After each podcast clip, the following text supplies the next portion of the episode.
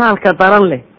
Ama yacni xubnihiisu aanay dhammayska tirnayn kaa xagga diinta u soo diraya. Kuwaniba midnaba diin uma diraan uma quudhaane ka markaasi yar xoog xoogane yar dhisanna waxa uu samaynayey cayda iyo dagaalka iyo beleda ayuu ku ababinayey rag iska celin bula maxaad u malayn? Sidaa ma ku badbaadayna ilmahaasi soo maha inuu aabihii qoorta ka gooyo. Muslim oo dhan ba inuu ka badbaadi waayo somalilan waa lagu beeray ruux cadownimo ayaa lagu beeray waxa walaalayaal ay tahay markaas ubadkeenna inaan kala dagaalano ee yani edebta xun oo dhan. Waxaa ka mida edebta xun ku dayashadan dhaqanka foosha xun leh een ku dayanayna walaalayaal. Ubadkeenni ay ku dayanayaan walaalaheen ay ku dayanayaan een gaalo daba soconno nebigu calayhi salaatu wasalaam wuxuu yihi ha noqonina imca dameeri dhaan raacday ha noqonina. Dameeri dhaan raacdadaasoo odhanaya waa kaydhaa buu nebigu yihi hadday dadku wanaagsanaadaanna waan wanaagsanaan haddii kalena kayrkay baan wax la qabi doona nebigu wuxu uhi hadday dadku wanaagsanaadaanna wanaagsanow hadday xumaadaanna adigu wanaagsanow bu nebigu calayhi salaatu wasalaam. Soomaaliduna waxa way dhahan meel haddii lagu ilaayey adna isha iska ridin. Ma caqli baa billahi calaykum ma caqli baa ma garaad ba aduu labadiibuu ilaah ku siiyey. Labadiiba waad qabtaa maxaad indhaha iskaga ridi? Waxaan u wadaa markaas aabbaha ku marmarsoonaya inanku kayrkiibuu la qabaa ubadka kale inantu kayrkeed bay la qabtaa. Maxaan sameeyaa dadkao dhan baa wada caynkane? War waxaa ku bixi maysid ilaahay agtiisa. Ilaahay adiga taaduu ku weydiin doona. Waxaan runtii la yaab badan aabbaha inantiisii guriga ay ka baxayso. Iyadiyo markaasi madax qaawan iyadiyo dhar yaroo gaaban xidhan. Cawradeedii banaanka soo dhigtay beritoole ay leedahay surwaal ii iibiye surwaal u iibinaya. Ilaahay inuu naarta ku karin doono ma shaki baa ku jira. Hadduu u diidi lahaa maalinta koowaad uu bari lahaa inay waxani ceeb tahay. Ceeb un bay u haysan leed bal u fiirso gabadh intaad baadiye ka soo qabatid surwaal xidho dhabal bal u fiirso maxay samayn? Maxaa ku beeray de inuu surwaalkani wax foolxumo a yahay? Saw wadcigay joogtaiyo halkay taagneed kumuu beerin? Aabbaha hadduu marka koowaad u arkiyo hooyadu waxaan cirkiiba inuu dhulka yimid ilmaha yari weligii ma qaateen. Laakiin markuu weliba intuu geeyo inan heblaayaba way xidhantay. Isna uu u xidho. Ee u dhaa iskuulka ku tag muxuu ka sugaya waxa uu ka sugayaa sooma iyadoo amba garac sidata ama iyadoo maxaan ku dhahay fool xumaatay ama iyadoo dadnimadeedu dhimatay ama iyadoo berritoola tag tidhaahda maxaa tahay muxuu ka daawanayaa billahi calaykum muxuu ka sugaya markaas. Ma isagaa edabta ka xumeeyey mise ilmaha yar baa iska xumaaday markaas abadan isagaa ka xumeeyey waxaa la yaab badan ka intuu saaqidkii wax dhigayay tabaashiirta haysee gaal. Amba kii kale iska dhintay ee gaaloobay. Ee gaalada la mid ahaa uu yihi maanta waxaa la idhaha sida imarka waktigeenan ku jirno oo kale. Maanta waa la yar wada baxaya halkan baddaa la yar tegaya iyo hablihiiyo inamadaa la wada baxaya. Ee leedahay intay inantaadii soo qaata ay leedahay maanta iskuulkii baa meel noo saaraaya casharka lagu soo baranayo hayjadaha la tegaya meelaha loo baxayo badaha la tegaya maxay tahay? Waxaa la soo baranayaa maxay tahay bal isweydii markaas? Marka koowaad uu qaybinayuu leeyahay laba laba horta u baxa laba laba isku raaca. Muxuu ku beerayaa markaas? Adiga ilmahaaga ay sidaa ku maqan tahay ee waxbay soo baranaysaa leh ilaahay maalinta qiyaamo markuu ku weydiiyo maxaad ku jawaabi doontaan isweydiinay waxa intaba ka foolxumo weyn aabbahay inantiisii intay timaado ay leedahay ninkani waaba saaxiibkay. Ama laleeya ninkani muxuu yahay waa heblaaye saaxiibkeed. Weli magaaladeenu baan ku haynaan ku aragnay. Oo xaqaa'iq wey aabbaha ku daawanaya ama saaxiibka hadduu kala yar xishoodana odhanaya waa kii guursan doona. Ha saa uu leeyahy wax u eeg uu leeyahy ee ku daawanaya arkaya een juuqu odhanayni war miyaanu kaasi ahayn dayuuskii uu sheegay nebi moxamed calayhi salaatu wasalaam. Nebigu waxa uu yihi dayuusku jannada ma gala bu nebigu calayhi salaatu wasalam haddaa dayuus bilcaad yani si dhidhib yar la iskugu caayo dayuus waaba kani ogaada. Wax layubasho la isku caaya. Dayuusku nebigu waxa uhi waxa weeye waa maxay rasuulka ilah dayuuskan aan jannada gelayni. Waa ninka ehelkiisa intuu xumaan iyo wax foolxumo leh ku arko aan ka qiiroonin een sidaasi ka suulin buuri nebigu calayhi salaatu wasalaam. Maxaad u malayn janno ma gelayo urteedana ma helayaa lagu leeyay de haddaba ilmahaad adigu ku rabaysay gaal jacayl iyo xumaanta jacaylkeeda halkeed ka rajaynaysaa inuu ilmahaasi toosnaado. War ilmaha sidaa u baaba'aya xaq buu kugu leeyahay adiga inaad hagaajisood edbisid. Inanta kuu imanaysa dhowr iyo tobankee kugu garaacaysa albaabka. Inanka yaree dhowr iyo tobanka albaabka kugu garaacaya wuxuu ku maqnaana aanad ogeyn eenad weydiinayn. Bilaahi calaykum ma u malaynaysaa maalinta qiyaame inaad ka badbaadi doontaan ood u arki doontaan ilaahay subxaanahu wataala inaanu idinkala xisaabtamayn ilaahay wuu ku weydiin adaana ka mas'uula. Adaa ilaalin waayey aan iskaga taga taas. Iska daa ilmahaagoo yare markuu dhalinyar yahay baad edbin karaysaan. Nebi moxamed calayhi salaatu wasalaam bal u fiirsan mucallimkii bashariyadda aadamaha ee inaan ku dayanaynay loo baahanya inaan ku dayanayn ku dayanaynay bal soo qaado walaalayaal tusaale uu leeyahy aan soo qaadno nin dhalinyara baa yimid. Ninkii dhalinyartaa wuxuu leeyahay rasuulkii ilaahayow ata'dan lii fi zina? Sinada ma ii idmaysa maad ii fasixi anu inaan iska sinaysto wey. Waa ka. Ninkaa inaan la baxo iyo ninkaa inaan raaco wax la mida wey. Ma ii fasaxaysaa inaan iska sinaysta buu leeyahy caddaan. Markaasay dadkii oo dhan baa ku qayliyey. De nin dhan oo macsiyaan la banbaxayaa leh waa lagu wada qayliyey. Laakiin nebigu mucallim buu ahaa. Sida dadka ayuu edbinaayey edab baa loo baahan yahay. Dagaal iyo inaad qool un qaadatid markaad sanad intaad maqnaatid maalin aad qool qaadatood wax feedhaha ku jajabisid. Ma aha taasi tarbiya. Edab baa loo baahan yahay aad la socotid tallaabo tallaabo ilmaha yar. Maalintuu qalloocanaya ad qallooca u diidid. Waa taa un wey laakiin haddaad intaad sanad ka maqnaatin caawa bud aad qaadatood gawda ka saarto weligaa waxba u sheegin. Te maxaa ma bud ba wax ku six ma bud ba wax ku six nebiga markii lagu qayliy uhi waa baldaaya kaalay buuhi soo dhawow udnu soo dhawow nebigu calayhi salaatu wasalaam hortiisuu fadhiisiyey nebigu calayhi salaatu wasalaam nebigu ba siduu ugu caqli celiyey. Ninka yari waa maqan yahay. Waxaasaa la qurux badnaaday. Wuu isku qanciyey. Warkaa madaxiisoo dhan baa u buuxa. Laakiin nebigu si naxariista bui halkan soo fadhiisa ma la jeceshay buuhi liummik hooyada in laga zinaysto ma la jeceshay? May buui rasuulka ilah abadan kada dee dadkuna hooyooyinkood sidaa baanay ula jeclayn buuri kanna berri mid bay hooyo u noqon weyey ma la jeceshay inantaada in laga zinaysto? A buu yihi may kada dadkuna hablahooda saasaanay ula jeclayn ma la jeceshay walaasha? Ma la jeceshay edada ma la jeceshay habaryarta? Dabadu u galay nebigu calayhi salaatu wasalaam markaasuu may may may. Yidhi dee dadkuna saasaanay dadkooda ula jeclayn halkiibuu ku toobad keenay toobad cajiib badan halkii buu rasuulki yani dib dambaysa siniya agagaarkeeda looguma arag xale macallinkii aadamaha helay waxbuu ka dhaadhiciyey. Isagoon u lala dhicin qool lala dhicin. Waar ubadka inaan rabayno xaq bay inoogu leeyihiin wey taasi waxa weeyaan waa xuquuqday aabbayaasha ku leeyihiin xaq ka mid ah.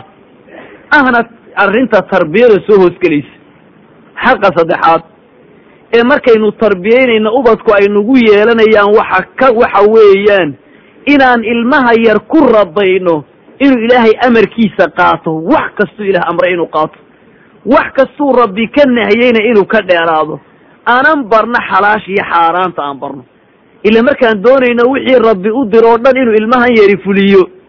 Wixii rabbi ka reeboo dhan inuu ka tago waa inaan xalaal iyo xaaraan barno wey. Nin weyn baa ku imanaya. Markaasaanu garanayn maxaaba ka mamnuuca maxaaba u banaanba ma garanayaba te ilmaha waa inaan barno xalaasha iyo xaaraamta waa inaan barno wey markuu barto ayuu garan karaa. Mathalan waxaad haysataa inan baad leedahay. Inanta waa inaad bartid ko kuulababa imanaysa wixii aan tilmaamayn oo dhan. Inay iyada iyo nin inay isla keli noqdaan ba iska daa wax kaloo meel cidlaa iskula keli noqdaan inay xaaraamta inaad bartid wey oo nebigu yihi calayhi salaatu wasalaam nin iyo naagi meel keli kuma noqdaan ilaa haddii kale waxa sadexeeya shaydaan shaydaanna shaqadu qabanaya waa la og yahay. Wuxuu ugu yeedhayaa labadaba say jahannamo ula geli laayeen ko waa ina ilmaha uu ku beero ilmanta yaru ka dhaadhiciyo weligeed inaanay nin meel keli kula noqon. Mamnuuc inay ka tahay xaaraam ka tahay. Waa inuu bara inanta yar aw ku tarbiyo. Tusaale inan markaan soo qaadno inay cawradeeda muujiso oo meel rag joogaan ay cawradeeda muujiso tinna ha noqotee waa inuu ku rabeeyo markaasi inay xaaraam tahay. Waa inuu ku rabeeyo inaanay xaragadeeda iyo quruxdeeda ragga hor muumuujin qosol iyo ilka caddayn iyo maxaan ku dhahay socodka si yaroo kale isku jejebise iyo cadarra ay isku buubuufisi iyo waxaasoo dhan inay xaaraam ka yihiin iska daa dhar gaagaabane waa inuu ka dhaadhiciyo. De hadduu inanti yaray intaa u sheegay miyay suuragalta inay tiri aaba surwaali iibi ha miyay suuragalta inay tiri aaba jiib iyo wax gaagaaban baan xidhanayaan kaa doonaya miyay suuragal tahay inay tiri aabba anuu laba habeen baaban gurigaba ka maqnaanaya may oo macallinka yagii iyo ardaydii iyo waxbaa raacaya tira may inase loo weynaya imanka waa sahay hadduu kolba baaderigaasi meel uga yeedho yidhaha baddaynu tegaynaa waa ilmaha raaciyay waad aragtay wey maxaa suurti iyo maxay wax balaaya lagu tilmaamo adiga arkay maxaa markaad ma dee aabbaha markuu inta ku rabeeyey inantu inay waxaasi aqbasho marna suuragal maaha warna weelka dhowr iyo toban cishaa fasax lagu siiye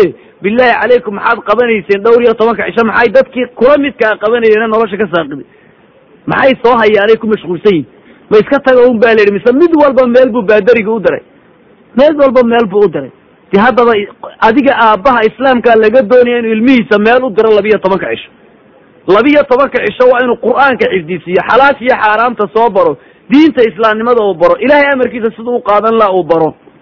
Nabigeenuna calayhi salaatu wasalaam xadiis waxa uu ku leeyahay icmaluu bidaacati illah waa ragow ilaahay daacaddiisa fala dadow waxa wattaqu llah ilaahay wattaquu macaasiya allah ilaahay macaasidiisana ka dheeraada. Macaasi illah wamuruu awlaadakum ubadkiinana waxaad amartaan inay ilaahay amarkiisa qaataan rabbi wuxuu xarimayna ay ka dheeraadaan ay ka fogaadaan fadalika wiqaayatu lahu min annaar sidaa un baa naarta ka badbaadin karaysa buu nebigu calayhi salaatu wasalaam kaas waa xaq xaqa afraad ee tarbiyad iyo tacliinta soo hoosgelayaa waxa weeyaan allahu akbar waa inuu aabbuhu ku eedbiyo ilmaha uu ku xidho si toosa nebi moxamed calayhi afdalu salaatu wa atamu tasliim. Waa inuu ku eedbiyuu ku beero ilmaha jacaylku nebi moxamed jeceliyey salawaatu ullahi wasalaamu caleyh iyo wa tilaawati alqur'aan. Qur'aanka akrintiisa inuu ilmaha ku eedbiyo halkay tani taalla nebi moxamed taariikhdiisa intee laga yaqaana? Goormuu dhashay xaguu ku dhashay muxuu la yimid? Goormuu waxyigu ku soo degay? Noloshiisii muxuu soo maray isag iyo quraysh maxay soo kala qabsatay? Isag iyo ruumaanki iyo beershiyaankii maxaa soo kala qabsatay? Isag iyo rabbi siday u xidhiidhi jireen. Haddii la waraysto caawa taariikhda nebi moxamed in yar oo baaderigii intuu qorqoray si yaroo baasu u dhigay oo wada beeni ka buuxdo ayaa ragga xasuusanay wax ka sheeg sheegi doonaan markaasaa buug loogu soo sawiro la kaa nebi maxamed maxay mid garhkiisu malaha garhkuba una sinayn hadduu doono. Ayaa laleeya wakaas wakaas suurado waan aragnay kii buu leey nebi maxamed baaban aabba soo arkay u taagan yihi nebi maxamed baaban soo arkay. Sawirkiisi baan soo arkay. Yani khiyaal mooyaane waxaan nebi maxamed baa jiray mooyaane wax laga hayaa ma jiro. Laakiin waxa uu nebigu ina leeyahay war bal ku inaan ubadka ku beerno weeye jacaylkay jecelyihin maxaan baraynaa taariikhdiisii baan dhab u baraynaa noloshiisii baan baraynaa siduu u noolaa baan baraynaa ilmuhu markaa wuu rabaysmaya qur'aanka akrintiisaan baraynaa nebigu calayhi salaatu wasalaam wuxu uhi xadiis adibuu awlaadakum. War ubadkiina waxaad ku edbisaan saddex shay. Saddex ku edbiya ubadkiina oo dhaqan uga dhiga. Xubba nabiyikum nebigiinoo la jeclaada dhaqan uga dhiga. Wa aala beyti nebiga aalkiisii oo la jeclaadana dhaqan uga dhiga. Wa tilaawat alqur'aan qur'aankoo la akriyana dhaqan uga dhiga wey maxaa yeelay kuwa qur'aanka xambaarsani maalinta qiyaame waa kuwa ilaah u hadhaynaya maalintaanu hadhkiisa mooye hadh kala jirin. Allahu akbar. Ilmaheenna qur'aanka miyaynu barnay? Mise ab yani waxaan barnay xuruuftii cajiibka badnay? Ou ku geeraaraya ayuu ku gabyaya ilmaheenna ma waxaynu barnay markaasi ilaahay subxaanahu watacaala jacayladiisa qur'aanka miyaynu barnay? War intee qur'aanka laga yaqaan? Adigan masaajidka soo galay inteed qur'aanka ka taqaan? Faatixada ma saxaysa waa alxamdulilahi iska daa wax kaloo ku darsida go haddaad saxaysa laakiin goormaad baratay. Waa arrin isweydiin la wey waa nasiib darra wey nebiguna calayhi salaatu wasalaam wuxuu ley ilmahaaga yar qur'aanka akrintiisa ku bar.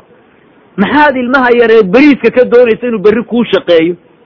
Ee inuu khamriye cab noqon doono ka soo noqon doono yurub amba yani erob isagoo inuu xagga u ka iman doono isagoo khamrada isku shubiyo xashishad irbada lagu soo tallaalay aanad wer ka haynin intaad balaayada beraysid isagoo tallaalan iyo isagoo saxa inuu kuu soo noqon aanad wer ka haynin maxaad u beri weyday qur'aanka? oo maxaa dhici doona? ma adduunyadu beriis leeyahy qur'aanku?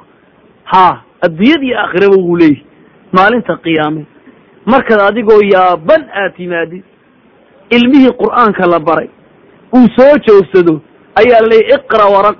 Qur'aanka akriyo derajooyinka jannadana sare ugu soco baa laleeyay markaasuu qur'aanka aayaddu akriyaba wuxuu sii fuulaya un jannooyinka derajooyinka sare. Qur'aankii uu bartay aabbihii baa taaj. Taaj buu aabbihii u xidhaya maxaad u malay? Ilaahu waa kan aabbahaygii i baray buu leeyahy markaas. Soo ajarkii maad yeelan waad koraysaa un adnad waad koraysaa un.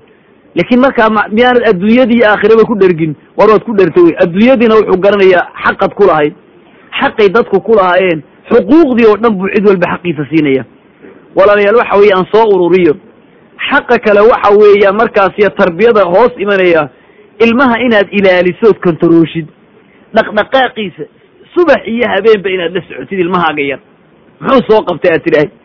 Maxaad soo qabatay aad maxaad soo baratay aad tidhaahay? Ilaa haddii halkaad geysa aad meelun waa geysay sanadka awalkiisu baad meel geysay. Laba iyo toban sanood ka bacdunbu isagoo baadariya ka soo baxay. Amba aan ilaahay aqoonin amba aan xuquuqba garanoo la leeyahay markood sideed iyo toban jir gaadhoba aabbuhu ilmaha khalaas uu ka hoos baxayba. Waaba lagaa hoos saarayba. Sideed iyo toban hadduu gaadho banaankaabuu iska baxo aabbuhu aabbaha uu ka hoos baxay laleeyahy isagaa isku talinaya halku doono maraya. Ma isagoo waxaanuu soo bartay xaqaagiimi oo dhan ma dhulkuu dhigay. Mise xaqaagiibuu dhab u garanaya ayuu kuu ogiyu kuu ilaalinaya kuu koolkoolinaya waa inaad caaw markuu maanta soo gala caaw aad tirayd aaba maxaad soo baratay? Caawa bal soo fadhiis maxaad soo maqashay? Hadduu wanaag soo maqla aad ku faraxdid markaasaad ku dhiirigelisay hadduu balaayo kugu akriyana aad ka dawaysid laakiin haddii aanad warba ka haynin soo nasiib darra ma aha. Waa inaad kantarooshood la socotid wey. Yaad raacdaa. Yaad la socotaa. Macallinkiinu muxuu ku amraa? Muxuu ku baraa? Inaad weydiisid wey haddaad ilmahaaga daysood cid kasta faraha uga qaadid dee nebigu wuxu uhi almar'u calaa diini khaliilih qofku waxa uu la dhaqan yahay uun saaxiibka ninkay noqdaan ayuu dhaqan la yahay. Ee falyandur axadukum man yukhaalil midkiin ha u fiirsada cidduu la saaxiibaayo nin walba wuxuu dhaqan layihu ninku la saaxiibo. Ee bal ciddaad la saaxiibaysaan iska hubiya buu nebigu calayhi salaatu wasalaam dhaqankooda. De ilmaha haddaad bahdariba u dhiibtay sow dhaqan baadarinimo un kama sugaysa haddaadkeed odhan jirna inagu faransiiska yeelyeel aynu nahna inagu haddaad u dhiibtay sow hadhowse berri faransiiska yeelyeelka sheegaysa noqon maayo. Mid ilaahay iyo rasuulkiisaba neceb haddaad u dhiibtay sow berri isagoo wixii aad aaminsanaydba neceb iman maayo. Waa inaad ilaalisid weeye walaalayaal saaad u ilaalinaysaa marka. Haddaad ilmahaagii yara aanad warba ka haynin waxbuu soo xaday. War kama haysa caawoo leyl buu macsiyo ku maqnaa war kama haysa berri markuu dhaca un baad budka soo qaadanaysaad leedahay waaqacaynu aragnay. Macallinow inankaygii siduu u dhacay.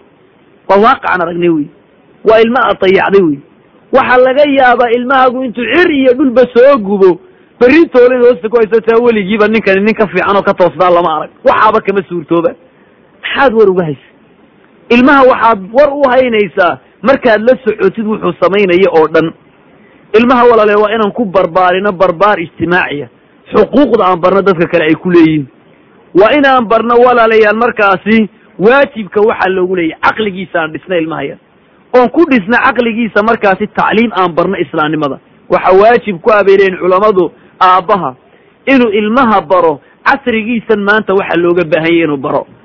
Ilmaha waa inuu baro si uu u noolaado waa inuu shaqada gacanta baro waa inuu wuxuu ku noolaan laa baro waajib bay kugu tahay. Maaha siaad qur'aanka u baraysay axaadiista aad u baraysay ee nebi maxamed jacaylkiisa aad ugu beeraysay. Siduu u noolaan laana inaad u bartid waajib bay kugu tahay. Dee tacliim markaad baraysid fikirkiisana inaad diirisid weeyaan. Ood ka dhaadhicisid aan cid cid kastaa kaxaysan karin. Aad ka dhigtid qof mu'mino iimaankiisu yahay markaa mid taagan oon cidnaba leexsan karayn walaalayaal waxaa taa kaaga filan ilaahay baa le qul hal yastawiya aladiina yaclamuuna waladiina laa yaclamuun ilmihii haddaad jaahil ka dhigtid oo tira ku faantid iskuulkiiba waan ka soo saarayo halkan baa fadhiisay dee iskuulkii waad ka soo saartay ilmihii maxaad bartay wuxuu ku noolaado ma bartay wax nafle ma bartay mise faransiisku ku hadadlayay un baad u diiday dee faransiisku waa afune haddii intuu iskaga hadlo uu qur'aankaba hadhow ku daldalo miyaana arrin layaab badan oo cajaa'ib badan oo xasanaad badan ku jiraan ku ahayn ilmaha inaad tarbiyeysid weeyaan bes. Laakiin ilmaha haddaad saaqidisood waxba u diidda inuu bartood meel ku xidhid ood faan moodid war faan noqon mayso wey ilaahay baa le miyay siman yihiin kuwa wax garanaya iyo kuwa aan wax garanayn. Ilmaha wax bar siduu wax u qoro bar siduu wax u akriyo bar. Islaamnimadiisana ilmaha bar oo qalbiga markaasi waxa weeye kaga sug. Haddaynu soo qaadano nin la yidhaahdo markaasi nin gaal oo holandiyaana ayaa waxa markaasi uu qoray hadal la yaab badan oo xaqaa gilgilay. Isagoo taariikhdii ka sheekaynaya yani andulus spain isagoo ka warramaya. Ayaa waxa uu yihi ila waa meeshii islaamnimadu ay ka dhisnayd xadaaradii islaamnimadu ay ka dhisnayd ilbaxnimadii muslimiintu ay ka dhisnayd. Ayaa waxa uu yihi undulus ma jirin bu ihi spain nin maxaan ku dhahdaayey ummiyo oon waxna qorin waxna akriyini mama jirin bu ihi maxaa yeelay bu ihi yurubna.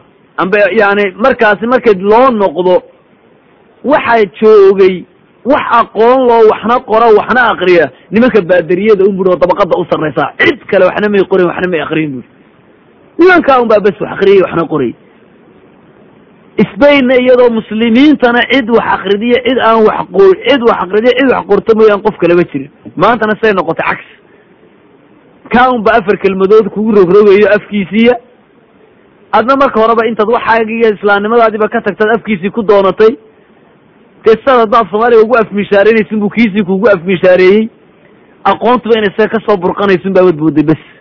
Ilan afkaa ku dhibayo marka hore anad waxba kaga dhargeyni so saa maha afki yaraan baad la radantood la kacdo markaan baad mooda macdantiiba sido kana uu sido ilan birtii yarayduu la yimid isagaa birtii buu sitaa magaceedii buu sitaa. Waxa uu sitaa qalinkii buu sitaa magaciisii buu sitaa. Waa horaad adduunyada ka dhex baxday adood ka seexatay. Marka hadda adu haddaad ka seexatay markaasaad wax walba mooda inuu birtii buu sheego afkiisii buu ku sheegay. Qalinkii buu sheego afkiisi buu ku sheegay. Marka horeba adigu mabaad lahayn qalin iyo buugda bir midnaba maad lahayn.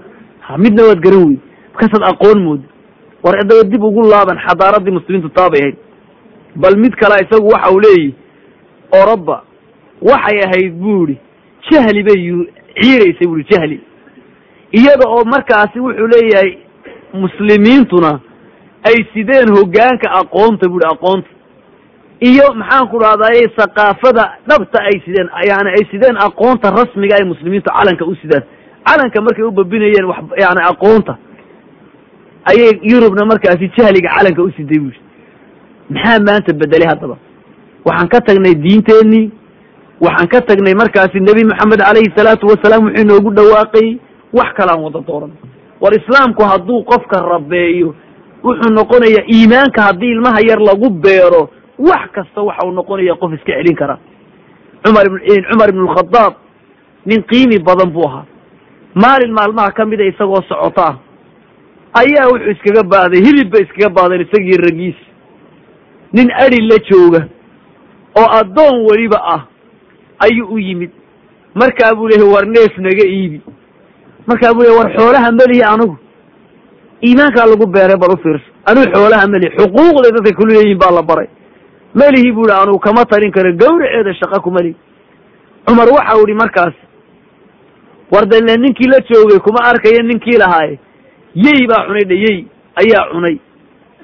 Bahal baa cunay dheh oo neefka noo naga iibi annagana markaa noo qal. Ninkii wuxuu ihi kelmad cajiiba cumar ibnu khadaab gilgishay. Maxau ihi haddii aan sidaa yeelo oonu i arkayn ninkii xoolaha lahaa dee waxa weeyaan allah baa i arkayo rabbigay baa i arkayo o ii jeeda. Isagoo haddaanu i arkayn rabbigii baa i arkayo o ii jeeda. Cumar intuu ilmeeyey ayaa halkii kamuu dhaqaaqina ninkiibuu u tegey ninkii lahaa markaa buuhi iga iibi. Intuu iibiyey ayuu xoreeyu tii xor baatay liwaji illah dadka loo baahnaa baa kuwaas inay dhulka ku dhaqnaadaan. Walaalayaal samankii cumar ibn lkhadaab ilmahaaga haddaad islaamnimadiiyo iimaanka ku tarbiyeysid qiidad buu noqonaya. Waxaa dhacay cumar baa amar soo saaray inaan caanaha la qaldin oon biyo lagu barxin oon lagu badin si caanaleediyo dadka caanaha da iibiye ay sameeyaan. Amar buu soo saaray mamnuuc ka dhigaya cidda lagu qabtaana dembi weyn bay gashay ah. Markaasaa haweeney ayaa inanteedii ku tidhi na caanaha inaga barxo biyaha inoogu badi bay tihi ha si aynu yani waxaynu ka faa'iideyna ay u bataan. Markaasay tihi miyaanad hooya maqal. Inuu amiirkii mu'miniinta cumar ibnu khadaabii mamnuucay. Markaasay tidhi cumar ibnu khadaab kuma arkaaye? Gurigeenni baan ku dhex jiray iyo buulkeennii caano ay noo baraxbay tii iska daa cumarka oo markaabay kelmad cajiiba ku tiri. Cumar ibnu khadaabna wuu wareegaya. Waxau mari jiray oo dabeeco u ahayd magaaladu habeenkii dhegaysan jiray wax dhibaataysan. Albaabiskumuu soo qufuleyni magaalada intuu dhex meeraysu eegi jiray dadka dhibaataysan. Ilaahay baa weydiin doona maalinta qiyaame. Odhan doona maxaa dadkaasi ay kugu hoos gaajoonayeen? Maxaa macaluusha ugu wacnaa ilah odhan doona subxaanahu watacala taa buu ka baqay. Sidaa buu dhex wareegayay magaalada habeen oo leyl. Markaasaa wuxuu maqlay. Sheekaduu la socdaa buu dhegta ku haya markaasay leedahay hooyo haddaanu cumar ina arkayn fa rabbu cumar yaraana. Cumar ibnu lkhadaab rabbigiisii indhuhu inagu hayaa waa inoo jeeda halkaynu ka geli doonaa. Cumar intuu markaasi yaabay la yaabay haweenaydaa yar iimaankeeda ayaa inamadiisii oo dhan buu soo wada ururiyey. Markaa buu ihi kaalaya gabadha caynkaas ee gurigaa ku jirta amba idinkaa guursan doona amba anigaa guursan doona haddaad imanka guursan weydaanu midkiin guursan waayo. Anaaba guursan doona bui cumar ibnu khadaab markaasaa waxaa guursaday mid ka mid ah. Yacni waxa weeyaan walbaladu tayibu yakhruju nabaata dhulka fiicani. Waxay meesha fiicani midho dhalisaa wanaag bay soo saarta cumar ibnu cabdicasiis baa tafiirtaa ka soo baxay. Haweeneydaa la guursaday cumar ibnu cabdicasiis khaliifadii shanaad ee muslimiinta ninkii lagu tilmaamayey qiimiga badnaa ayaa ku abtirsanaya markaasi haweeneydaas maxaad u maleen walaalayaal islaamka haddii markaasi dadkiisa uu rabeeyo oo ubadka aan ku rabayno islaamnimada waxa weeyaan gaaladan ka qaalib noqonaynaa noqon mayno kuwa hoos gacmaha hoos dhigta gaalada noqon mayno. Noqon mayno kuwa dulliga ku jira noqon mayno. Maxay ina bareen maanta walaalayaale lagu faanaya? Qadaadka saaqidiintoodii baynu ku dayanay maanta aynu ilbaxnimo moodno. Sida dhoorka loo goosto sida timaha kolba bar loo xiro bal waxaad tagtaan yurub oo waxaad weydiisaan kuwa sidan samaynaya maxay yihiin waa kii kokaayiinta iyo xashiishada noocyadeeda iyo khamriga iyo ku baaba-ay baa sameeya mise nin ilbaxaa sameeya. Masaaqidka markuu heesayo irbadaha isku mudaya isasakraaminaya noloshoo dhan isilowsiinaya ayaad ku dayanaysaa siduu sameeyo. Maxaa kuu diiday inaad ku dayatid ka biraha soo saaraya ee markaasi aqoonta dhalinaya ee waxa weeye dadaalaya ee yurub dhisaya inaad ku dayato haddaad mid ku dayanaysid maxaa kuu diiday markaas? Intay innaga socdaan oo halkan laga baxo oo intaa waalidka u kugu tabcay oo uu ku geeye halkee maxaan kala nimid inagu haddaan dhalinyar nahayna markaas? Waxaan kala nimid timaha sida loo feedho dharka sida loo xidho cajaa'ib badana dharka sida loo xidho sida maxaan ku wax brotocool la ydhaha kan waa badowo brotocoolka ma garanay dadka sida loo salsalaamo iyo dariiqyada sida la ydhaha iyo dariiqoo si nin waalan kolba gacanta saa la ydhaha la saydhsaydhiyo maxaan ka soo baranay bal isweydiiyo. Mid wuxuu la yimid me oo wuxuun inoola yimid oo wanaag la yimid. Mid wuxuu ka soo dhuuxo akhlaaq la yimid wanaagsan miyaan aragnay maya. Uu yaryahay hadduu yimid. Maxaan walaalayaa markaasi ku meel gaadhayna maxaa dulliga badan muslimiinta dhulkay maanta taagan yihiin oo dhan ka dhigay kuwa qiiqda unayo madaxa lagaga taagan yihiin maxaa ka dhigay? Waa adiga arkay boston hersig dhibaatada haysata. Gaal oo dhan uu iska qosaya uu daawanaya. Ka islaamka sheeganayaani ma dhaafiyo kelmad ah waan ka xunnahay. Waan ka xunnahay bes. Adigu waad ka xuntay. Ka kale wuu ka xuyey dee waan ka xumay maxay waxyeeli waan ka xumay maxay dhimi? Dee isba waan ka xumu ka odhan maxaa dulliga intaa laigna baray? Ilmaha marka hore aynu tarbiyada ka soo dilay laakiin haddaynu marka hore tarbiyeyno wallahi waxay noqon laayeen sidii raggii ansaar oo kale. Cabdiraxmaan ibn alcawf dagaalkii beder dib ugu laaban. Wuxuu ihi intan istaagay goobtii dagaalka. Ayaa waxaan gaaladii oo mawjadoo nagu saddex laabmaysaa na soo hor joogsatay. Markaasaa midigtayda eegay. Waaba ilmo yaroo i hoos jooga buuri bidixdaydaan eegay waaba ilmo yaro i hoos jooga laakiin waaba qumbulato duriye qarxayaba wey. Ha yani nuclearkii qarxayaba wey ashoo raggan isagu rag yar yar unbu arkay. Markaa baan ui war halkan maxaa ku dhigay? Ilan markuu nin weyn oo gaali soo weeraru kan ku dhufto kan ku dhufto. Saw kuwa seefuba iskugu kaa wada yimid baan ui balaa sootan maanta kugu dhacday. Halkan meelaan ahayn maad taagnaatida baan idhi. Ilan safkii la taagany wuxuu ka baqaya hadduu rag waaweyn ku tiirsan yahi waxoogaa bay ninkooda iska caabinaya. Laakiin kana kiisa u ka soo tallaabay waxbaada isku kaaga baan ui anoo sidaa ufakiraya ayaa waxaaba igujiyey buri kii xaggan iga xigay. Markaa uhi adeer abijahal bal itus abijahal bal halku hiigsanayey waa ninkii ugu weynaayo ugu awooda weynaa gaalada. Ayuu leeyahay abijahal itus waa nin dhayar loogu dhacay. Kii anoo yaaban oo le war ninku halkuu hiigsanaya ilmahan yari ayuu kii kalena i gujiyey. Waa la tababaray islaamnimaa lagu tababaray iimaankaa lagu beeray dadnimaa lagu beero dad buu ahaa markaas. Kii kale ay gujiye markaa u hi adeer abijahali tus way garan lahayn weligoodba may arag way maqleen. Nebiguu necbaabay maqleen. Markaasaan waxaan ku yidhi maxaad ku samayn doontaa? Markaa buuhi wallahi haddii aan arko laa yufaariq sawaaduhu sawaadi. Bidhaantayda iyo bidhaantiisu kala libdhi mayso bu yidhi. Wa ilaa ilaa xataa yamuuta yani yani alacjalu mina kaayagay geeridu ku horeynaysaa ilaa intuu dhimanayo bidhaantaydu bidhaantiisa ka faaruqi mayso waanu isbidhaansanin bui ilaa intuu hor dhimanayo kaayagii hor dhimanayay. Anoo yaaban bu wakaabaan ui abijahlo sidaa safkii u hagaajinayaa meel iiga muuqda ui markaasaan waa ka wuxu uhi waa mucaad ibnu camr ibnu jamuux iyo mucawad ibnu cafraan laba yar yar oo ansaara wey markaasaan ihi waa ka wallahi wuxuu ihi intay ku boodeen. Ayaa in yar kabacdi o waxaan arkay odaygii weynaaye abijahlo dhulka waran baan arkay bui dhulka waran. Bal cizada eeg. Maxay abijahal abijahal marka la idhaahdo gaalada marka magacooda la sheego meel hebla la yidhaha buu qalbiguina wada geriraya inaga maanta. Ma kuwaabaaba galay khalaas. Laakin maxaa bedelay abijahl abi salaamu calaa ashraf alambiyaai walmursaliin. Sayidina wa mawlana muxammadin calayhi afdalu asalaati wa atamu tasliim. Ama bacd walaalayaal allah subxaanahu wa tacaala ayaa mahadleh khaaliqa inoo idmay inaan ku kulanno gurigan ka mida ilaahay subxaanahu wa tacaala guryihiisa. Rabbina subxaanahu wa tacaala waxaan ka quudaraynaynaan ka rajaynaynaa inuu inaga dhigo qadyowgu rabbi subxaanahu wa tacaala u dembi dhaafay ee u naxariistay kulankan ay ka soo qayb galeen awgeed. Nebigeennu calayhi salaatu wasalaam isagoo saxaabadiisa la hadlaya buu lahaa haddaad soo martaan bustaan ka mida ama beer ka mida beeraha jannada fartacu ka midha gurta buu nebigu calayhi salaatu wasalaam ka midha gurtoo ha dhaafina. Saxaabadii waxay weydiiyeen oo yidhahaan rasuulkii ilaahayow maxaa u yahay bustaanka ka mida bustaanada jannada? Ee markaasi noo tilmaamaysaa waa kee aan ka midha guranne nebigu calayhi salaatu wasalaam waxau ihi waxa weeyaan xilaqu dikr waxa weeyaan xalqadaha amba fadhiga loo fadhiisto iyadoo ilaahay subxaanahu wa tacaala lagu xusaayo. Waxaan walaalayaal ku soo guda jirnay mawduuc baan ku soo guda jirnay mawduucaas oo soo taxnaa ilaa shan casharna aynu ka soo qaadanay kiisii lixaadna caawa aan gudagelayno waxaa markaasi muxaadaradan muxaadaradii ku horreysay tani ku xidhan tahay aynu ka hadlaynay xuquuqda ay ubadku ku leeyihiin aabbayaalkood. Maxay tahay? Waxaan soo marnay xuquuqdii waaweyneyd.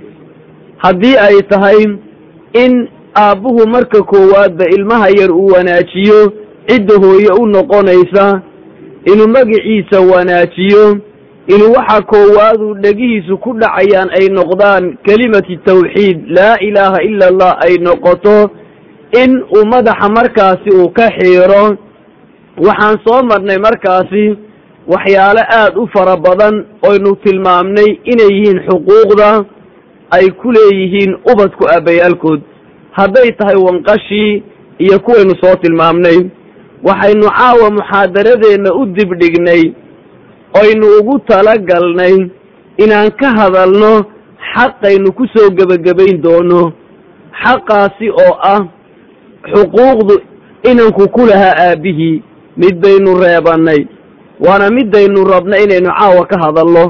Waa xaq keliya laakiin waa xaq intuu aad u ballaadhayey laynooga baahan yahay inaan sidiisa u oofinno oon uga soo baxno.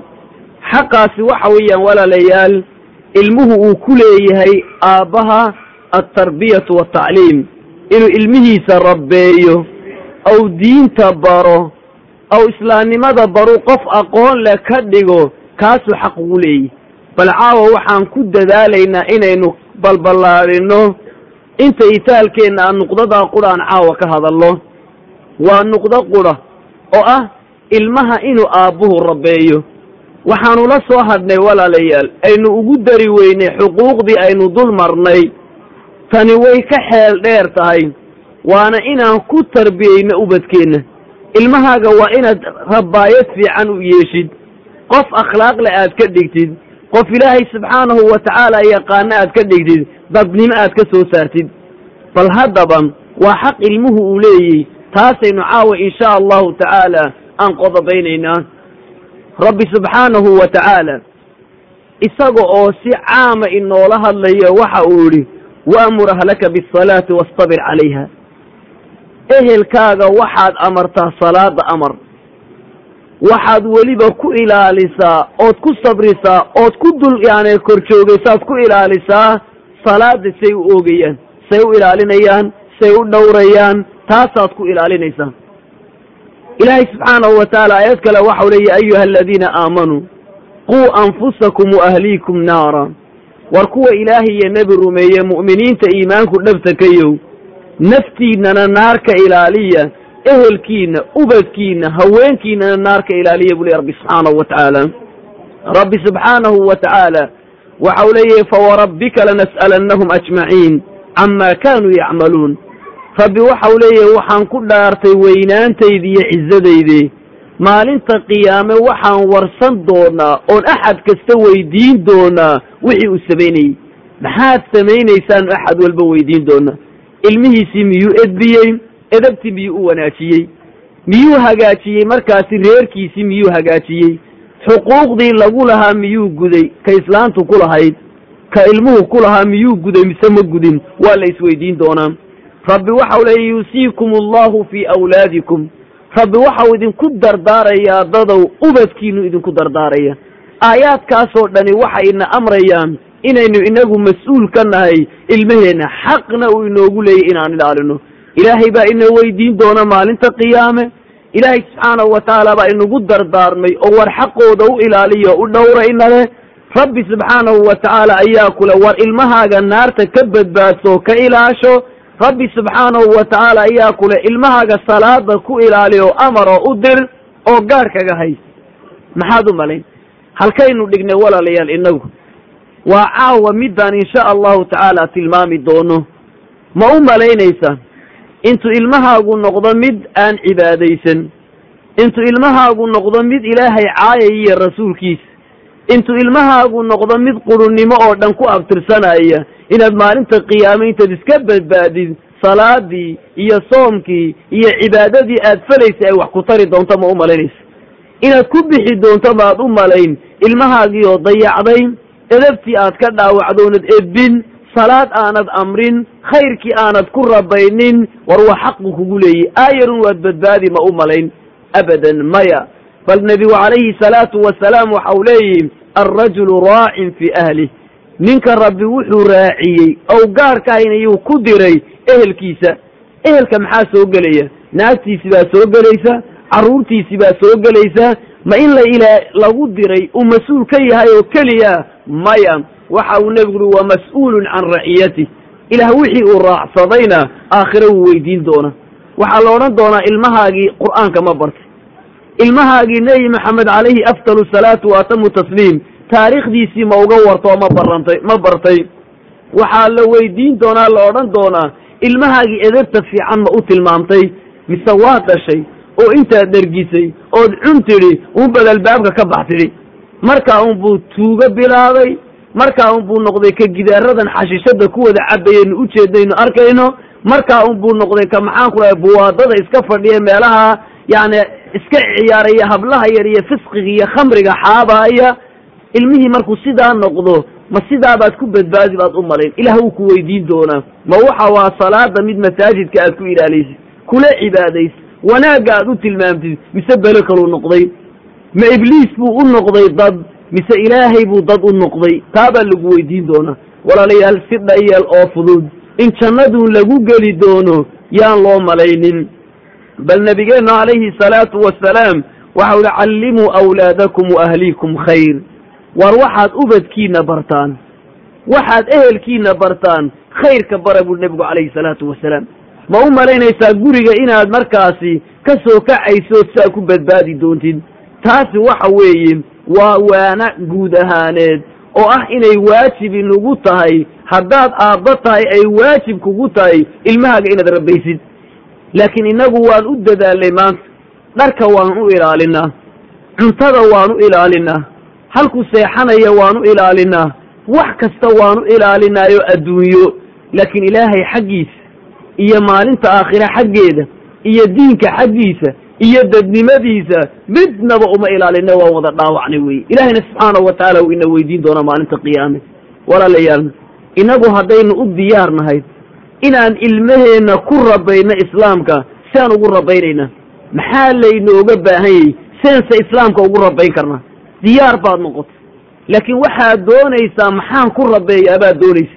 War bal qofkii u diyaar ah ilmihiisa inuu diinta ku rabeeyo aw qof dadnimo ka dhigo bal aan u soo noqonno waxaa looga baahan yahy inaad ku rabaysid xaqu ilmuhu aabbaha ku leeyay xagga tarbiyada waxaa kow ah waa inuu ku sugo. Nafta ilmaha yar waa inuu ku sugo iyo fidradiisa ku abuuran ilaahay tawxiidkiisa iyo caqiidada iyo iimaanka inuu ku sugo weeye ilmaha yar waa inaad imanka u laqintid aad har iyo habeen ku akridid naftiisa aad ku dhajiso ood ku daabacdid caqiidada iyo tawxiidka iyo iimaanka wey imankaad ku rabaynaysaa iimaanka. Isagoo yar ayaa waxaad leeday dad yaad ugu jece yaad ugu jecesha mee wax alliyaal adduunyada waxaa jooga oo dhan yaad ugu jecesha. Aabbiyo hooyu yaqaana waa isagoo yaro imanka dhashay. Waad u diidaysaa markaa baad leedahay may aabbiyo hooye beriis hadday keeneen waa laga weyey yaa abuuray yaa jirsiiyey yaa ku abuuray allah waxaad ugu jeceshay waxaa jiro oo dhan allah horta dheh yaa ku xiga nebi maxamed calayhi salaatu wasalaam yaa ku sii xiga aabbiyo hooyiyo wixii kala sheeg sheeg. Ilmahoo yar baad ku barbaarinaysaa caqiidadaad ku barbaarinaysa. Naftiisaad iimaanka ku barbaarinaysa.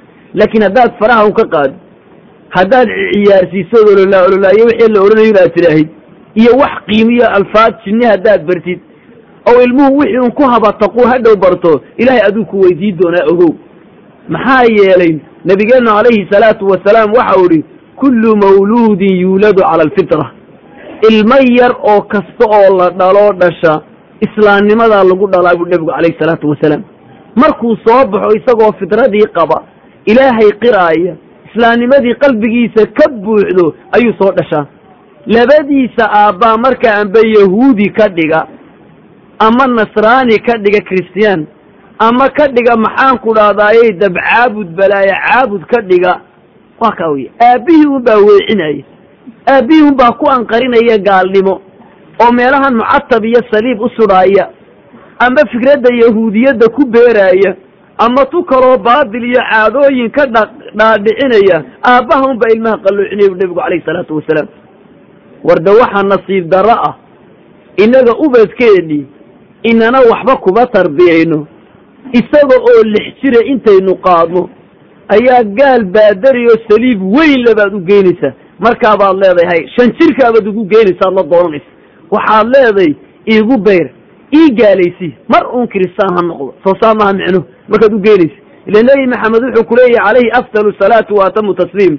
War ilmaha fitradaa lagu dhalaa aabbihii unba amba yahuudi ka dhigi ama kiristaan ka dhigi amaba ka dhigi doona markaasi mid majuusi oo dad iyo cadceed iyo balaayo caabuda. War bal intaynu fakirno ubadkeenna aynu ku beerna caqiidada iyo iimaanka. Saynu ugu beeri karnaa gaalada waa adiga arkay habeen kasta oo nuweela intay wax qiimi badan soo iibiyaan ayaa intay ubadka tusaan bay yidhaahdaan bal cadownimo halkay ka gaadheen say ugu beerayaan nacaybka islaamka iyo nebi maxamed eeg intay soo hordhigaan bay dhahan waxaasoo dhan baan kuu keenay. Markaasaa la leeyahay subaxana nebi maxamed baa dhacay oo xaday markaasi oo waa kaa la baxay. Markaasaa la leeyahay hadhowna ciisa ka soo ridoo kuu soo celiyey maruu kii yaraa barood dhammaysta ilmaha yar inta uu leegyahay ee lagu beerayo xumaanta iyo nacaybka u qabo islaamka iyo nebiga calayhi salaatu wasalaam bal eeg. Maxaa kuu diiday adigu inaad ku beertid? Adoon ilmaha yar been berayn oon beenta u sheegayn oon been ku ababinayn laakiin inaad ku beertid ilaahay iimaanku rumaysan yihiin iyo islaamnimada inaad qalbigiisa ku daabacdid maxaa kuu diidaya walaalayaal? War waa xaqu inanka yare aabbihii ku leeyey ilmaha yar imakaba adunbaa islaam ka dhigaya adunbaa iimaan ka buuxinaya oo ku cabbaynaya ama adunbaa meel baran joojinaya oo baadari u dhiibaya gaal. Waa nasiib daro ilbaxnimaa la mooday. Ilmihii yaraabaa la haysan kari waayey. Ilmihii dhammaayee rabbeeya lalahaababa la nacayaaba waxaad arkaysaa ilmihii yaraayo saddex jira afar jira shan jira inta layska qaado ayaa leeyahay intaanu iskuul iyo wax nagaga mashquulin meel inaga mashquuliso ha la geeyo. War meel islaamka iyo iimaanka iyo diinka bartun haddii la geynayo gaal baadariyaa loo dhiibaya amba habar xumo baadariyada. Ama waxaa loo dhiibayaa qof aan islaamnimada ka dheer baa loo dhiibaya ilaahay subxaanahu wa tacaala maalinta qiyaamo markuu ku weydiiyo aw kura ilmahan yari islaam buu ahaye maxaad u gaalaysay? Maxaad ku jawaabi doontaa markaas waan tukanaya iyo waan cibaadaysanayay ma ku bixin. Laakiin markuu ilmihii yaraa wax fahmay markaad iskuulka u dirtay ee kii iskuulku intuu cabbeeyey uu ku abuuray fikraddiisii uu ku abuuray nin gaali uu kuu tarbiyeeyey tarbiyada ka soo jeeda maxaad u malayni maalinna lamaad fadhiisan ilmahaaga. Ul baad soo qaadatay. Markaasaad gawda kaga saartoo tiri akhri casharka casharkaad u diraysaa waa maxay? Beledii lagugu soo akhriyayey oo dhan adoo xifdisan berri hooye baad leedahay waad ku garaacaysaa markaas. Markaabaa berri toole lagu leeyey waxbuu garan waayey. Talowma intii diinta lagu ababinayey buu fahmi waayey. Markaasaad ku sii garaacaysaad leedahay maxaad u garan weyda wax walba garo. Te markaad warqadan cad aad aduu ku daabacaysa shaabadaynaysa ee tusaysid halkaad jeceshay mabda'aagu yahay maxaad damacsantay markaas. Ilaahay maalinta qiyaamo markuu ku weydiiye maxaad ku jawaabi doonta. Waxaad arkaysaa nin dhanoo weyn. Iminka ilaahay dartii u soo galay masaajidka faatixadii aan garanayn oo la ildaran. Maxaa ugu wacan ubadkeeni waa kuwaasa inuu maanta dib faatixada u doondoono iyo qul acuudu birabbi innaas oo isagoo jajabinaya weliba uu far kale ugu qorto maxaa kalifay? Sow aabbuhoogu ma wacna. Sow xaqiisii intuu dayacay ilaahayna maalinta aakhiro weydiin maayo. Hadduu bari lahayo ku ababin lahaa miyay dhici lahayd? Abadan may wey war ilaahay subxaanahu wa tacaala colnimaynu u qaadnay. Dagaal baynu ku qaadnay isna waa inoo naxariis badayey ilaahay subxaanahu wa tacala wuxuu leeyahy isagoo bini aadmiga la hadlaya maa qaraka birabbika alkariim. Maxaa idin dhex maray adiga rabbigaagii markaasi kariimka ah indhaha ku siiyey caafimaadka ku siiyey ku abuuray intaayoo wanaaga kuu soo galay ixsaankaa bilaashka kugu siiyey maxaa idin dhex maray? Alladii khalaqa kii ku abuuray fasawaa alladii khalaqaka allihii ku abuuray ee waxa weeye xubnaha sida qiimiga badan leh kuu saarsaaray ee mid walba meel ku habboon dhigay ku dhammaystiray siduu doona iskugu kaa geegeeyey khaaliqaasi maxaa idinkala dhex maray? Halkeed ku celowdeen bu ley rabbi subxaanahu wa tacaala maxaa dagaalkan aad isku haysaan iyo ilmihiina kala cararayseed ugu diidanta ilmihiina maxaad gaal uga geyseed uga sii wadaa ee iska da inaad xaqii uu kugu lahaa aad u oofisay waa bal intaan dib u fakirno xaqa aan iska ogno kaasi waa xaqa koowaad waxa weeyaan walaalayaal. Xaqa koowaad haddaan sii eegno ilan waa xaqa ma inaad iimaanka islaamnimada ku ababisid maalin qudh ah ilmahaaga ma amartay oo ma tidhi kaalay tuko kaalay cibaadayso kaalay rabbi caabud ina mari masaajidka ma tidhi oo ma u kaxayso. Mise waxaa tidhi orod casharka akhri orod waxaan kala samee orod beledii laguu soo sheegayay xifdi wuxuu doonayo o dhan baad u keentay uu markaasi cid aan islaamnimo berayni ay ugu yeedhay. Nebigeenuna calayhi salaatu wasalaam aduu kula hadlayaa xaqu ilmuhu kugu leeyahay markaasuu ku leeyahay. Nebigu calayhi salaatu wasalaam isagoo markaasi noo caddaynaya ilaah wuxuu inaga rabo muruu awlaadakum bisalaati wahum abnaa'u sabc ubadkiina waxaad amartaan buu nebigu yihi salaada iyagoo toddoba jir ah. Markay toddoba jirka yihiin salaada amra tukada dhah. Waa markaasi waa amar amar. Inta hore waa ku daya iyo ku tarbiye iyo waxaa weeye. Laakiin markuu toddoba jir noqdo amar baa lagu amar cad u dhiibo waar waa inaad tukatid de war kale ma jiro. Hadduu saddexdaas sannadood waana waxba aad kaga qaadi weydo wadribuuhum. Ku garaaca buu nebigu calayhi salaatu wasalaam calayha wahum abnaa'u cashir toban jir hadday gaadhaan ay tukan waayaanna karbaash la dhaca buu nebigu calayhi salaatu wasalaam kuuleeyo ku garaaca. Markaasaa nebigu wuxuu lehy wafariquu baynahum. Waxaad kala geysaan fi lmadaajic gogasha ku kala kaxeeya. Haddaad habla iyo iinama leedahay. Gogol qura hadday wada seexan jireen iyo maksin u kala bedeloo meelo kala gee. Hadduu maksin qurabaad haysatay u kala goo. Kala bar imanka ku edbi islaamkaa lagu leeyahy waa ka gogasha ku kala dheere. Markay intaa marayaanay yar yihiin kala bar. Raggana dhinac bar dumarkana dhinac bar baa lagu leeyahy edabtaa wanaagsan bar. Walaalayaal ilmaheenna salaada miyaynu barnay isagoo toddoba jira. Ilmaheenna markuu toban jir gaadho miyaynu ku garaacnay. Waan aragnay aabba inankiisa ku dilaya casharkiibuu akhriyi waaye waan aragnay aabba inankiisa ku dilaaya anigu waxaan u diray ii qaban waaye waynu aragnay aabba inankiisa ku haysta wax fara badan. Laakiin weli ma aragnay aabba inankiisii garaacaya oo laga hayo oo la leeyahay balkaarteeyadeenoo dhan ba wada weydiiyo inankaygu wuu tukan laayeele waxaan u malayn hadduu jiro wuu yaryey waana nin rabbi u naxariisan wey aabba ilmihiisii laga hayoole ninkan ilaahay buu ku xumaado anna waan ku xumaanayaa weli ma hayno wey laakiin ninkani naftiisuu ku xumaadiyo casharkiisii buu ku xumaadiyo yani waxa weeyaan waxaan kaloo ku xumaaday iyo waxaasaan ku dilla waxaa baan ku garacna laakiin weli maynaan arag aabba ilmihiisa ku dilaaya salaaddii buu tukan waayey. Nebiguna calayhi salaatu wasalaam wuxuu leeyahy toban jir ku garaaca. Warde hadday toban jir oo dhani wada tukanayaan masaajidkuba inama qaadeen. Masaajidkuba inama qaadeen. Laakiin maxaad nasiib darro? Aabba isba taarik ah. Kubkiisa wayse marin. Ilaahay xidhiidhka ay isku gooyeen. Magaca uu sheeganaya muxuu ilmihiisa amri doonaa isagu? Waxau amri doono male miyaanay nasiib darro ahayn. Inankayga fiicnow buu leeyahy inankiisii inuu fiicnaaduu rabaa. Nin akhlaaq wanaagsan la uu noqdu edbiyo. Isagii laakiin ma edbisana maxaad u malayn? War ilmaha waxau xaquugu leeyey taa aan soo sheegnay. Inaynu iimaanka ku beerniyo fitrada iyo islaamnimada. Arkaanul iimaankaad baraysa. Arkaanul islaam baad baraysaa gaal oo dhanba waad uga horraysa. Boqol gaal hadday waxu dhigaan waxba kama dhaadhicin karaan. Adaa uga horreeyey oo ku beeray oo wax walba ka dhaadhiciyey. Saalaan soo qaadayna. Inan yar ciddii dhalashay ay tarbiyaysatay. Islaamka ay ku beertay. Fidrada saliimkii ay ka dhawaajinayso bal dhegayso ubad yaryar buu macallin dabaashiirtii buu qaatay. Waa xaqaa'iqda waaqica taariikhda laynoo soo rarayo markaasuu iskula taabloogii buu dul tegayo sabuuradii uu ku xarxariiqay balaayo. Waxa u dallayey waa gaalkan u geynayna una dhegayso markaa buu leeyahy ardayow may arkaysaan aniga? Haa waan jiraa anigu.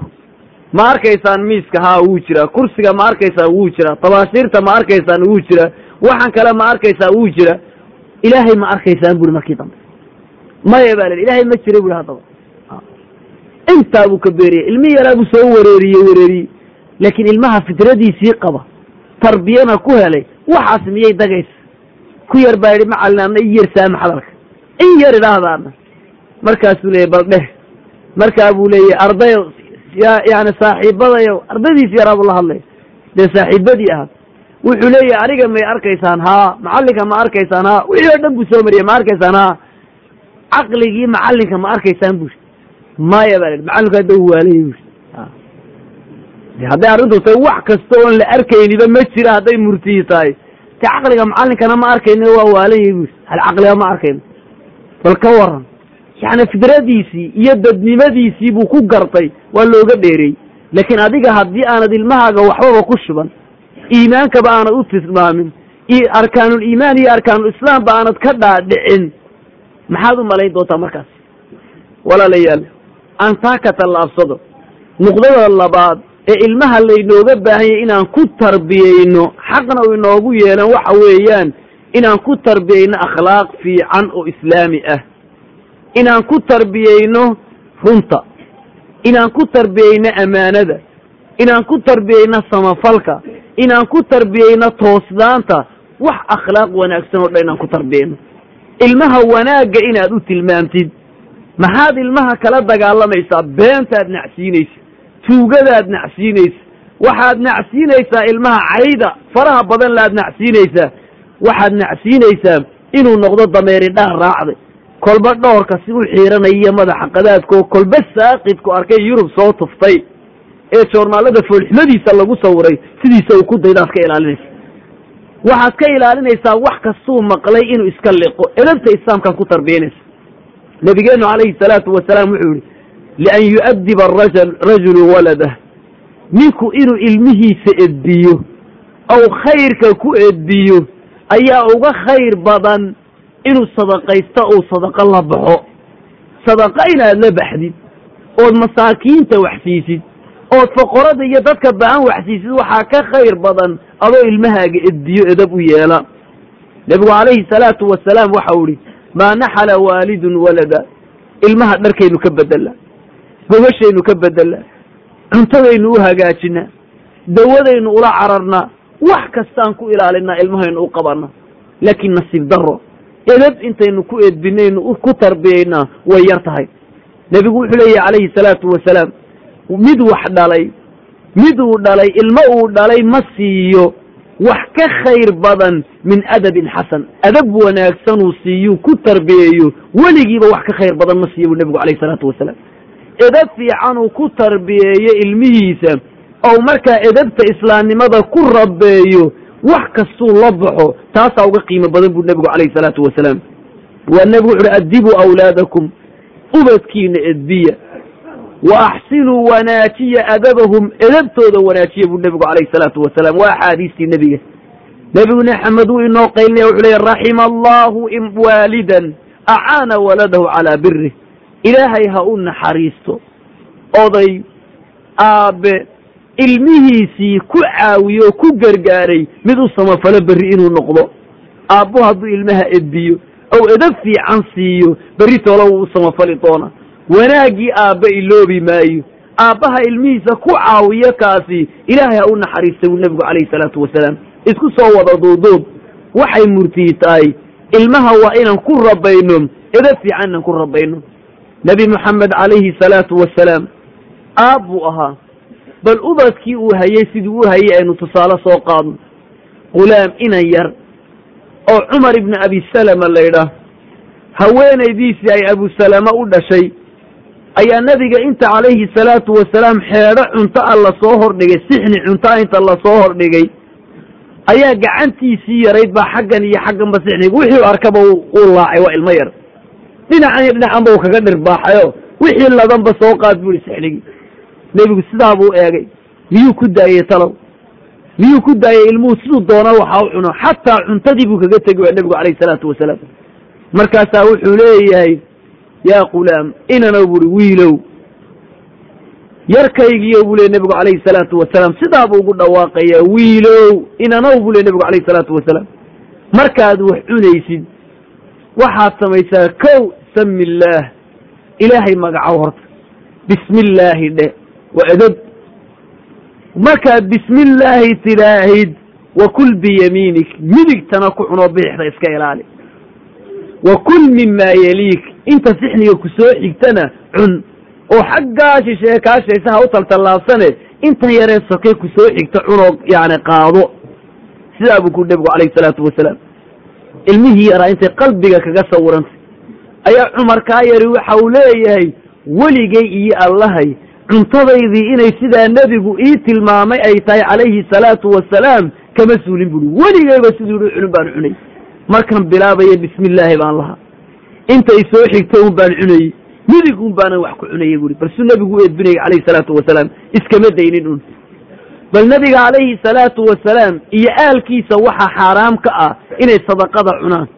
Nebiga iyo aalkiisu inay sadaqada cunaan mamnuuc bay ka ahayd xaaraam waxaa dhacay ou arkay nebigu calayhi salaatu wasalaam. Xasan ibnulcaliyi buu arku awow u yahay oo intuu xabad yaroo timira qaatay afka gelinaya markaasoo timirtii sadaqada ka mid a nebigu wuxu kak kak bu ish ish oo kale saynaano tuur tuur buu nebigu calayhi salaatu wasalaam. Markaasuu iska tuuray. Markaa buu uhi miyaanad ogeyn balsuu nebigu wuxu tilmaamay miyaanad ogeyn lama dirnoo dhirbaaxa kuma dhufan nebigu wuxuu leeyay miyaanad ogeyn inaanay tani inoo banaanayn inaan cunno buu nebigu calayhi salaatu wasalaam. Maxaad u malay?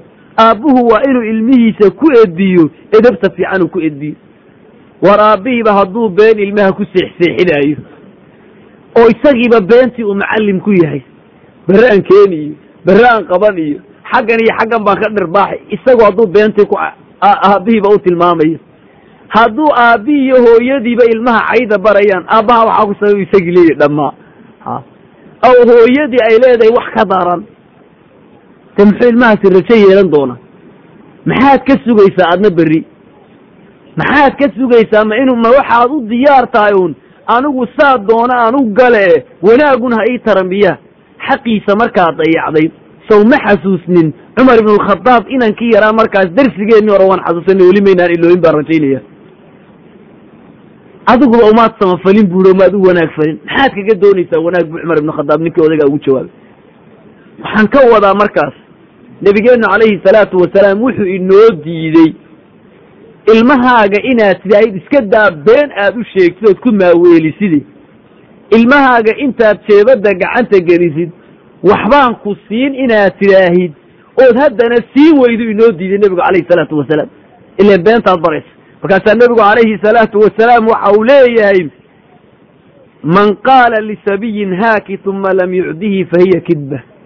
Ninka ilmihiisa hoo yidhaahda amba ilmo yarun hoo yidhaahda ee markuu hoo yidhaahdo haddana waxba siin waaya. Beentay ka midta waa beenaale buu ley nebigu calayhi salaatu wasalaam. Maxaad u malay? Ilmaha yar baa loo baahan inaad halkan soo fadhiisid. Aad tidhaahid bal dhegaysa aabbo. Xadiiskii nebi maxamed calayhi salaatu wasalaam wuxuu leeyahay nebi maxamed yani afar ninka laga helo waa munaafiq barax tiran. Mid ninka laga helo ka midana qayb munaafaqtinimo ah baa ku jirta. Munaafiqana iska jir waxaa la geliyaa naaraha ta ugu kulaylka badan le mailoobayal bayrastaa ku tiray. Maxay tahay buu kuleeyahay kuwaas? Marka uu sheekaynayu been sheego. Been hadduu sheegay qofku markuu sheekaynaayo kow waa munaafiq markuu ballan dhigo hadduu ballanka gooyo waa munaafiq ammaane haddii loo dhiibto hadduu khaayimo waa munaafiq marka waxoogaa la doodoodo hadduu yidhahdo ilaahba ma odhanayo iga tagba hadduu yidhahdo gaalo diinta uu ka baxana waa munaafiq barax tiranka. Afartaa laga hela. Mid ka mida haddii laga helana qayb munaafiqnimo ah ku jirta. Ilmaha yari been ma kuu sheegaya adiga. Markuu khaayimaya adiga beritoole? May. Aabbaha maxaa u diidan inuu ilmihiisa ku tarbiyeeyo tarbiyada islaamka? Diinta islaamka inuu ku rabeeyo wax ugu sheego walaalayaal waxaa nasiib darro ah. Maanta halkuu arrinkeennu marayaa nasiib darro ah. Waxa uu marayaa arrinkeennu wixii laynoo diidayeen tilmaamaynay. Ilmaha inaan